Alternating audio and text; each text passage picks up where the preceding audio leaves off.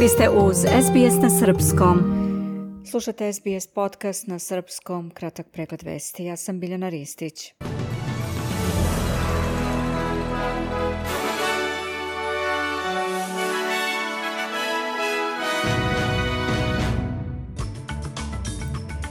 Podrška glasu za na referendumu porasla prvi put posle nekoliko meseci. Američki predstavnički dom prvi put u istoriji smenio predsjedavajućeg. Sjedinjene američke države, Srbija povlači vojsku, hapšenje Radojčića, dobar korak.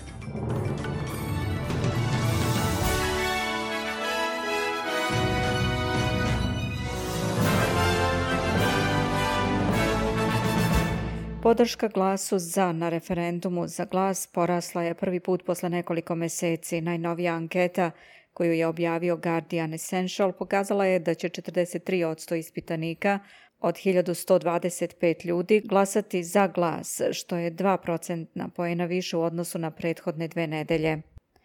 Federalna vlada kaže da će pružiti pomoć koju države zatraže u borbi protiv prirodnih katastrofa, Zajednice u istočnoj Viktoriji koje su provele nekoliko dana boreći se sa šumskim požarima u ranoj sezoni, sada se pripremaju za poplave koje bi mogle da izoluju neka područja, dok u Novom Južnom Velsu gore 73 šumska požara, a određen broj kuća je izgoreo na južnoj obali države u velikim požarima. Bivša državna tužiteljka Tasmanije Elisa Ačer najavila je da će napustiti politiku i na taj način okončati nestabilnost manjinske vlade, što je moglo dovesti do prevremenih izbora. Nasilje bandi na Haitiju navelo je vladu te zemlje da zatraži podršku Ujedinjenih nacija koja je odobrena juče. Savet bezbednosti Ujedinjenih nacija je odobrio stranu bezbednostnu misiju na Haitiju.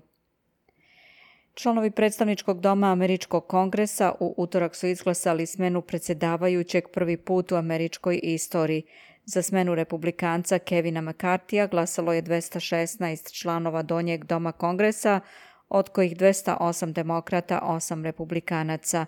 210 je bilo protiv. McCarthy je na konferenciji za novinare posle glasanja o smeni rekao da ne planira ponovo da se kandiduje za predsjedavajućeg.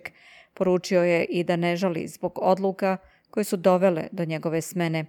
Pripadnik desničarskog krila republikanske stranke u Donjem domu Američkog kongresa, Matt Gates, u ponedeljak je podneo zahtev za glasanje o Makartijevoj smeni, pošto predsjedavajući nije uspeo da prošle nedelje usvoji zakonski predlog o financiranju vlade koji bi sadržavao konzervativne prioritete. Poslanici Europskog parlamenta juče su tokom rasprave sa predstavnicima Europske komisije i Saveta Europske unije o najnovijim dešavanjima na Kosovu i Metohiji pozvali na uspostavljanje mira i stabilnosti i povratak dijalogu. Srbija je počela povlačenje vojske koja je bila raspoređena na granici sa Kosovom, izjavio je u utorak John Kirby, port parol Saveta za nacionalnu bezbednost Bele kuće. Portparol Saveta za nacionalnu bezbednost u ocenu izneo je u danu kada je u Beogradu uz krivičnu prijavu priveden Milan Radojičić. MUP Srbije juče je saopštio da je Radojičić priveden u Beogradu, da mu je određen pritvor od 48 sati i da je izvršen pretres njegovog stana. U saopštenju se navodi da je Radojičić saslušan zbog sumnje da je sa za sada više nepoznatih lica izvršio krivična dela udruživanje radi vršenja krivičnih dela, nedozvoljena proizvodnja, držanje, nošenje i promet vatrenog oružja i eksplozivnih materijala i teška dela protiv opšte sigurnosti. Radojičić je prošle nedelje preko advokata Gorana Petronijevića preuzeo odgovornost za napad kod mesta Banjska u kojem su ubijeni jedan pripadnik kosovske policije i trojica napadača srpske pripadnosti. Predsjednica vlade Republike Srbije Ana Brnabić sastaće se danas sa specijalnom predstavnicom generalnog sekretara Ujedinjenih nacija i šeficom UNMIKA Karolin Zijade. Kako je najavila vladina pres služba, premijerka će se sa njom sastati u sedištu vlade Srbije.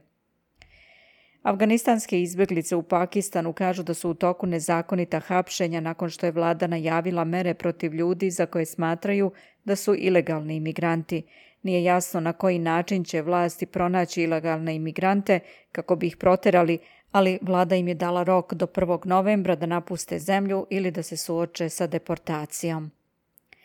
21 osoba je stradala, od toga dvoje dece, 18 ljudi je preživelo nakon što je gradski autobus koji je prevozio turiste do kampa sleteo sa nadvožnjaka u blizini Venecije na severu Italije i zapalio se, izjavio čelnik Venecije Michele Di Bari.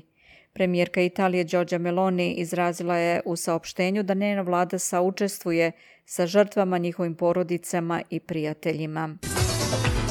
Da pogledamo i vrednost dolara. Prema američkom, australijski dolar vredi 63 centa, 60 euro centi, 52 britanska penija i 70 srpskih dinara, 65 para.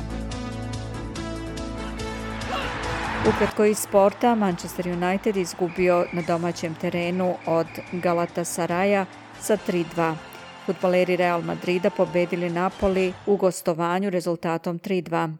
Futbalski klubovi Crvena zvezda i Young Boys odigraće peti međusobni duel danas. Odbojkaši Srbije igraju protiv Finske, meč četvrtog kola kvalifikacija turnira u Tokiju za olimpijske igre. Italijanski teniser Janik Sinner pobedom nad prvim nosiocem turnira Carlosom Alcarazom 2-0 izborio finale ATP turnira u Pekingu. Ruski teniser Daniel Medvedev također se planirao u finale, pošto je u polufinalu pobedio Nemca Aleksandra Zvereva. Francuski teniser Adrian Manarino osvojio je ATP turnir u Astani pošto je u finalu pobedio Amerikanca Sebastiana Kordu, a Australijanac Mark Polmans je diskvalifikovan sa ATP turnira 1000 Shanghai Masters nakon što je udario loptom u sudiju tokom svog kvalifikacionog meča. I na kraju organizatori Australian Opena saopštili da će prvi teniski Grand Slam turnir u sezoni 2024. trajati 15 umjesto dosadašnjih 14 dana. I na kraju vreme u Pertu pretežno sunčano 22, pljusak 2 u Adelaidi 16, u Melbourneu pljuskovi 14, mestimično oblačno u Hobartu 16, Kampera sa kišom 20, Wollongong također pljuskovi 26, Sidney također pljuskovi sa 29.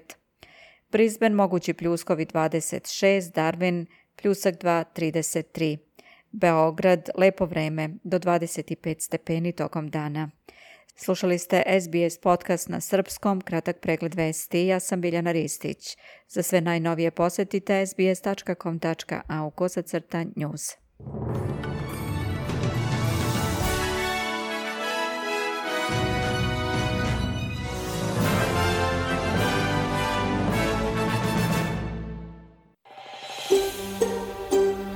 Želite da čujete još priča poput ove?